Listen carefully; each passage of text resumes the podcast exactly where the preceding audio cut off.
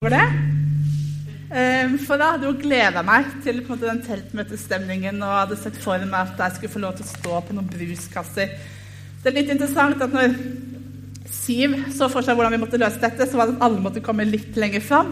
Mens min løsning var på en måte bare at jeg går litt lenger eh, ned. og bruskasser, altså der. Det blir jo aldri feil med det. Brusflasker. Men så kjekt eh, å se dere. Eh, så kjekt å se alle dere som pleier å være der her igjen. Hei. Og hvis det er noen som er her for første gang, og som kom fordi at eh, naboen har sagt, eller kollegaen din har sagt, eller moren din eller faren din, eller hvem enn, at eh, du må komme fordi at vi har verdens beste kirkekaffe, så har vi det. Og det er ikke så lenge igjen nå før vi er der. Så håper jeg at det blir litt bra før det. Um, nå har vi jo hørt Siv har lest teksten for oss fra Markus-evangeliet.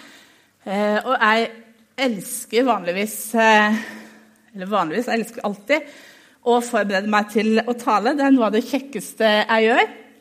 Og så er det likevel sånn at det kan være litt vanskelig å komme i gang, men jeg har min helt egne sånn, eh, personlige trener, eller talemotivator, nede på kontoret. Fordi Ingrid, som jeg deler kontor med, hun lager disse her bulletinene som dere får, og de vil hun trykke veldig veldig tidlig i uka.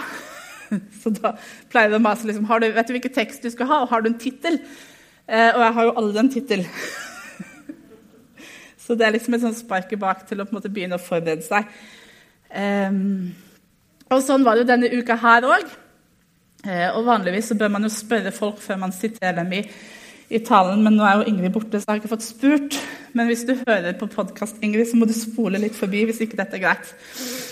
Eh, fordi Ingrid spurte selvfølgelig på tirsdag morgen når jeg kommer inn på kontoret om jeg har tekst og tittel. Eh, og for en gangs skyld så hadde jeg det eh, tirsdag morgen. Og så sier jeg liksom, ja, nei, det er Markus 10 og fra vers 28 til 31. Og så skal Ingrid slå dette opp. Og så skal du virkelig begynne med vers 28. Så jeg bare sånn, ja. Jeg tror det. Men bare vent litt, så skal jeg sjekke. Og så måtte du slå deg opp. Så tenker jeg ja, jeg skal, jeg skal begynne med vers 28. Um, ja, men det er ganske kult, det som står i vers 27, uh, sier Ingrid. Du har ikke lyst til å ha med det? Uh, så jeg bare ja, Vent litt, nå skal jeg bare lese litt mer. Og så slår jeg opp igjen og begynner å lese liksom helt i forbegynnelsen av kapittel 10. Og så bare sånn, nei, har egentlig tenkt å begynne med vers 28, for hvis ikke så ødelegger du hele poenget mitt. Så, eh, så kan det hende at jeg er nødt til å lese vers 27 selv. Eh, eller så kan det hende at jeg avslører det etter hvert. Vi får se. Eh, men poenget med Ingrid er jo at når vi leser i Bibelen, eller egentlig alltid i livet, så er jo konteksten ting er sagt i, veldig viktig. For ting er jo aldri sagt eller skrevet i et vakuum. Eh, og Noen ganger så er det sånn at et løsrevet sitat eller en fortelling kan på en måte si nesten det motsatte enn det det måte sier når det står i kontekst. Jeg er sikker på at vi alle har opplevd å bli feil sitert. Eh, at vi på en måte har sagt det vi blir sitert på, men på en måte i en helt annen sammenheng og på en måte med en helt annen mening enn sånn som det framstår når andre skal gjenfortelle. Og så er det sånn at Når jeg leser denne fortellingen eh, i Markus 10 og begynner i vers 28, så syns jeg at Peter på en måte blir litt sånn Som Peter ofte er, litt sånn framfusende. Hva med oss, da? Altså, What's in it for me? Eh, og at han er den Peter som på en måte sier ting litt før han har tenkt seg om. Eh, og er på en måte et godt eksempel på et moderne menneske som måte vil sikre seg selv og hva får deg.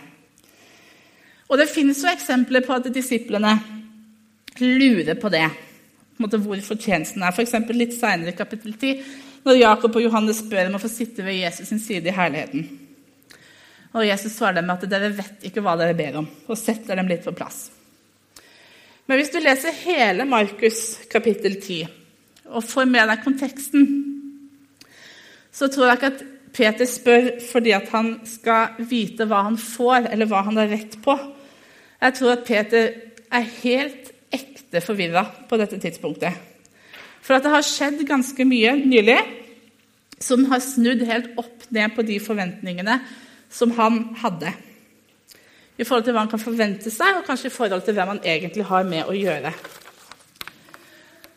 For at det som skjer aller først, er at Jesus er ute og går blant folkene. Og så har Peter og de andre disiplene etter beste emne må man jo si, forsøkt å skjerme Jesus fra en samling med masete damer, mødre, med masete, skrikete unger. For at mødrene vil at Jesus skal velsigne barna og tar dem med til Jesus. Og disiplene tenker egentlig med dette at Jesus er altfor viktig og altfor seriøs til å ta dette, la seg hefte med disse ungene og disse mødrene. Det har ikke Jesus tid til. Og egentlig så burde ikke Jesus gjøre det, for det er han som er jøde og mann og lærer i en kultur der menn og kvinner lever så adskilt, kan ikke bruke tid på det. Så jeg, jeg tenker at Disiplene måte, gjøre det de tenker er rett og riktig i den situasjonen. De prøver å få de der damene vekk. Og så opplever de at de får ikke skryt for den fantastiske innsatsen de gjør. Jesus blir sint og setter dem på plass og sier, 'La de små barn komme til meg', for Guds rike hører sånne til. Og det vet jo disiplene er helt feil. Og så fortsetter Jesus å gjøre det enda verre. Han sier, 'Og den som ikke tar imot Guds rike som et lite barn, skal ikke komme inn i det'. Så Jesus han åpner Guds rike for dem som ikke har noen ting der å gjøre, og som ikke bringer noe som helst med seg, annet enn at de på en måte er små, hylende, og skrikende og krevende. Og så sier han at det, ikke bare får de lov til å komme, men de er på en forbilder. Den som ikke tar imot Guds rike sånn som disse små barna, skal ikke komme inn i det. Så det er jo litt forvirrende for de stakkars disiplene. Og ikke nok med det, for rett etter at disse ungene får lov til å komme, og mødrene får komme med de ungene sine, så kommer selve drømmefangsten for en menneskefisker som Peter. En rik, ung mann. Eh, som vi ville tenkt i vår tid at er en ressurssterk person som kommer med alt det han har å bidra med. God økonomi, kanskje god utdanning, og så det som vi ville kalt et møblert hjem. Og så er spørsmålet Og så kommer han jo helt frivillig. Det er ikke det at de på en måte er nødt til å liksom gå ut og leite eh, og fiske og oppsøkende virksomhet. Men liksom her kommer den drømmefangsten bare vandrende til Jesus og spør liksom, ja, hva må jeg gjøre for å få evig liv. Og så svarer Jesus ja, nei, du kjenner jo budene. Du skal ikke slå i hjel, du skal ikke vitne falskt, du skal ikke bryte ekteskapet, du skal ikke bedra noen. Og så svarer man ja, men alt dette har jeg holdt ifra jeg var ung. Og hvem vil ikke ha den mannen i sin menighet? Og da tenker Vi hadde jo elsket han. Eh, et stygt, ressurssterkt menneske, ferdig disippelgjort, vær så god. Kom inn, og du kan få lov til å være møteleder og styre lyd neste uke. Det går fint. Men så ser Jesus på ham, og så spør han ja, du mangler én ting. Gå bort og selg alt det du eier, og gi til de fattige. Så skal du få en skatt i himmelen. Kom så og følg meg. Og så blir mannen bedrøva og går vekk fordi han var rik og eide mye. Og Jesus lar ham bare gå, og jeg synes at jeg kan se for meg disiplene stå og rive seg i håret og bare tenke Jesus, hva gjør du? Vi trenger han sammen med oss. Kan vi ikke bare finne en løsning? Og Så fortsetter Jesus med at det er vanskeligere for en rik å komme inn i Guds rike, for at de som er rike, stoler på sin egen rikdom. Og det er lettere for en kamel å komme inn gjennom et nåløye. Og så står det flere ganger i Markus 10 at disiplene er forferda over det Jesus sier. Og de blir enda mer forskrekka og så tror jeg vi kommer her til vers 28, hvor det virkelig virkelig på hvem kan da bli frelst? Hva med oss? Vi som har fulgt deg, som har lagt fra oss alt det vi hadde, og følger deg. Og jeg tror Det handler om at det rokker ved deres egen sikkerhet og trygghet og tro. For hvordan kan de vite at de har en plass i Guds rike når Jesus åpner det for dem som overhodet ikke har noe der å gjøre, og stenger dem for de som vi så veldig gjerne ville hatt inn. Og når verden blir sånn opp ned, hvem kan da være sikker på at man er med? Så jeg tror det er der disiplene. Jeg tror det er der Peter er når han spør hva med oss. Men hva med Jesus? Hva er egentlig Jesus sin agenda når han sender den, eller lar den rike mannen gå? Så tror jeg ikke det handler om at han sier at det ikke er plass for de som er rike i Guds rike. For selvfølgelig så er det det. Og jeg tror ikke Jesus sier at hvis du skal på en måte få en plass i Guds rike, så må du leve som en eller annen sånn superasket. Uten familie, uten hus, uten hjem. Uten... For vi vet jo at det er jo ikke sannheten. Ehm.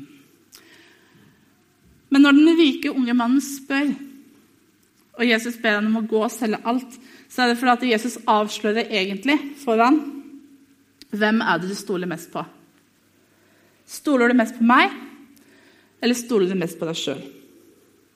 Og så er han ikke villig til å gi avkall på den sikkerheten som ligger i å måtte eie seg selv og klare seg selv.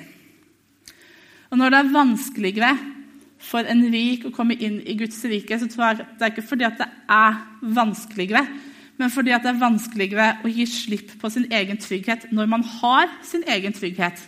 For hvis man ikke har noen ting å gi slipp på, så er det mye mye lettere å ta imot det man får. Og så er det et av troens paradokser at nåden er gratis, men den koster alt. Frelsen er gratis, men den koster alt. For man kan ikke stole på og velge at Gud skal sørge for en, og samtidig insistere på å sørge for seg sjøl. Og så spør Peter, men hva med oss, da? Som har forlatt alt og fulgt etter deg. Og så svarer Jesus, sannelig, jeg sier dere, at enhver som har forlatt hus eller brødre eller søstre eller mor eller far eller barn eller åker for min skyld og for evangeliets skyld, skal få hundre ganger så mye igjen. I denne tiden som nå er, skal han få hus, brødre, søstre, mødre, barn og åkrer, men også forfølgelse. Og i den kommende verden evig liv. Så det er som at Jesus beroliger Peter litt og sier at 'jeg ser hvem du er', og 'jeg ser hvor du har hjertet ditt'. Og de som er villige til å følge meg og sette meg høyere enn familie, jobb, hus, hjem, sin egen sikkerhet, de skal få nettopp det. At selv om det å følge Jesus koster alt, så får vi mer enn vi taper. på en måte. Paulus sier i Filippebrevet at det som før var en vinning for meg, det regner jeg nå for Kristus skyld som tap. Jeg regner alt som tap fordi at det å kjenne Kristus Jesus, min Herre, er så mye mer verdt. Så det vi får, er så mye mer enn det vi taper. Så er det selvfølgelig sånn at som kristne så selv om vi er kristne og følger etter Jesus, så har vi jo hus og hjem og familie og alt det der. Vi er ikke sånn spesielt sære. Men det handler om måte, hva er det viktigste i livet, og hva er det som måte, gir oss tryggheten. For som jeg sa litt tidligere, så har ikke Jesus kalt oss til å leve en sånn asket-tilværelse. Eh, men til å, han kaller oss til å sette Han først foran alt det andre som vi trenger. Og som Jesus vet at vi trenger, og som han så mange ganger sier at vi skal få. Når han f.eks. sier 'vær ikke bekymret for det dere skal spise eller drikke', for at dere har en far i himmelen som vet at dere trenger det. Eller han sier 'når dere som er onde, vet å gi barna deres gode gaver', hvor mye mer skal ikke Gud, som bare er god, gi dere det som dere trenger? Og tenker at Peter er jo nettopp et godt eksempel fordi at her regner han seg som en av de som har sluppet alt og fulgt Jesus. Og Jesus bekrefter det jo foran på måten som han svarer. Og så kan vi jo lese flere ganger i Det nye testamentet om Peters familie. De eksisterer jo på en måte i, i området. Og når Jesus dør, så er det første Peter gjør, å vende tilbake til fiskeyrket. Så det er klart at han på en måte har det han trenger for å kunne være fisker. Så det er jo ikke det at Peter måte ikke har noen ting, men han har valgt å sette Jesus først. Så Jesus har kalt oss til å stole på han og til å sette han først. Og så er løftet at når vi gjør det, så får vi 100 ganger igjen. Eh, men det er på en måte en lønn som vi egentlig ikke fortjener, og gaver som vi får fra en Gud som gir ut av sin overflod. Og så er det jo det som ikke er så gøy i den teksten, og det er på en måte at Jesus også sier noe om forfølgelse.